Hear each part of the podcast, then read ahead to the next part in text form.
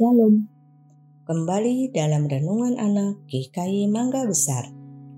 Karena kasih. Kejadian 29 ayat 1 sampai 20. Pada suatu hari, Andi menemani kakaknya membawa keponakannya yang masih berumur 2 tahun ke klinik dekat rumah mereka. Karena pasien yang banyak, mereka harus menunggu selama 2-3 jam. Dan karena tidak ada tempat duduk, kakaknya mau tidak mau berdiri sambil menggendong anaknya selama berjam-jam.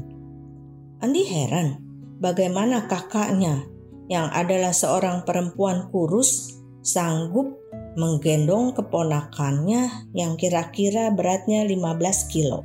Begitu lama.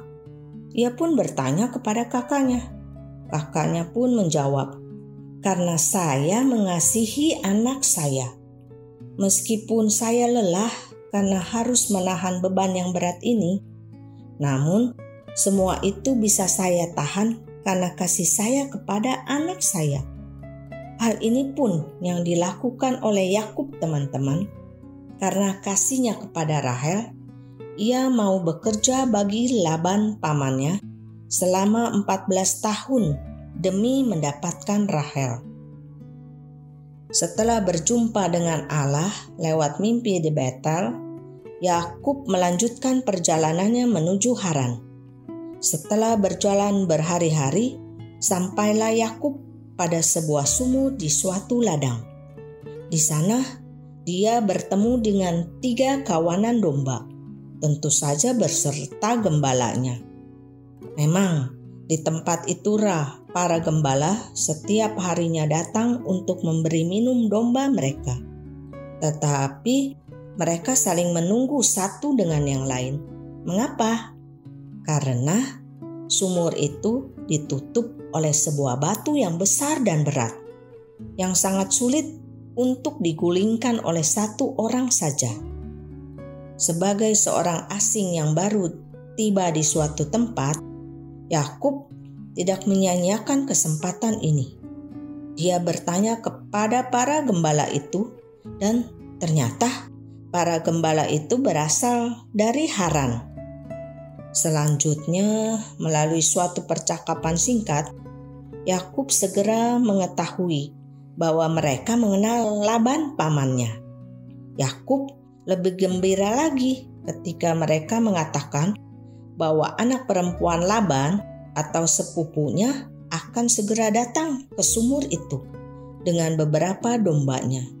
Jangan heran loh, memang pada masa itu tugas seorang gembala tidak hanya dilakukan oleh laki-laki, tapi oleh perempuan juga. Ketika Yakub masih bercakap-cakap dengan para gembala, datanglah Rahel beserta domba-dombanya. Yakub yang suka menolong ibunya segera membantu Rahel. Dia mendorong sendiri batu yang berat itu dari mulut sumur dan memberi minum kepada domba-domba Rahel. Kemudian Yakub menyatakan kegembiraannya ketika bertemu dengan Rahel. Dia menangis dengan suara keras dan memperkenalkan dirinya sebagai anak lelaki dari Ribka. Rahel segera memberitahu ayahnya Laban, sehingga Laban datang dan membawa Yakub pulang ke rumahnya. Sebagai seorang asing yang sudah mendapatkan tempat yang baik, Yakub dengan segera melakukan sesuatu yang baik pula. Dia bersedia membantu mengembalakan kawanan ternak Laban. Dan ketika Laban tahu bahwa Yakub jatuh cinta kepada Rahel, anak gadisnya yang lebih muda, dia pun memanfaatkan kesempatan itu sebaik-baiknya. Jika Yakub ingin mendapatkan Rahel, maka Yakub harus bekerja bagi Laban selama tujuh tahun. Yakub menganggap tujuh tahun itu seperti beberapa hari saja karena cintanya kepada Rahel. Namun, Laban ternyata menipunya. Setelah bekerja dengan Laban selama tujuh tahun, Laban memberikan Lea yaitu kakak Rahel, pada Yakub, bukannya Rahel. Dan Laban menyuruh Yakub untuk bekerja tujuh tahun lagi untuk mendapatkan Rahel. Yakub mengiyakan syarat Laban. Ia bekerja tujuh tahun lagi. Karena kasihnya kepada Rahel, Yakub tidak merasa berat untuk melaluinya. Selama 14 tahun, Yakub mau bekerja bagi Laban untuk mendapatkan Rahel tanpa merasa lelah ataupun ingin menyerah. Teman-teman, kita bisa melihat bahwa kasih itu mendorong dan memampukan setiap orang untuk melakukan sesuatu dengan baik dan tekun, meskipun hal itu berat dan sulit. Sama halnya juga dengan kita. Ketika kita berkata, "Kita sungguh-sungguh mengasihi Tuhan," biarlah kasih kita kepada Tuhan juga memampukan dan mendorong setiap kita untuk menjadi anak Tuhan yang hidup melakukan kebenaran.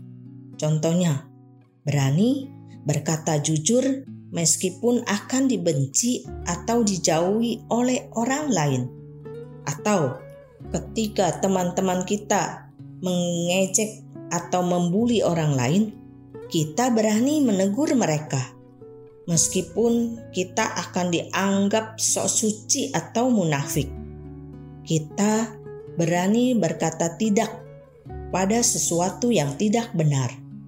Teman-teman, ini memang berat dan tidak mudah. Namun, Tuhan sudah terlebih dahulu mengasihi setiap kita. Maka, marilah kita juga belajar mengasihi Tuhan dan sesama kita, sehingga kasih itu memampukan kita dan mendorong kita untuk melakukan kebenaran, menjadi terang dan garam bagi dunia yang gelap ini. Amin. Tuhan Yesus memberkati.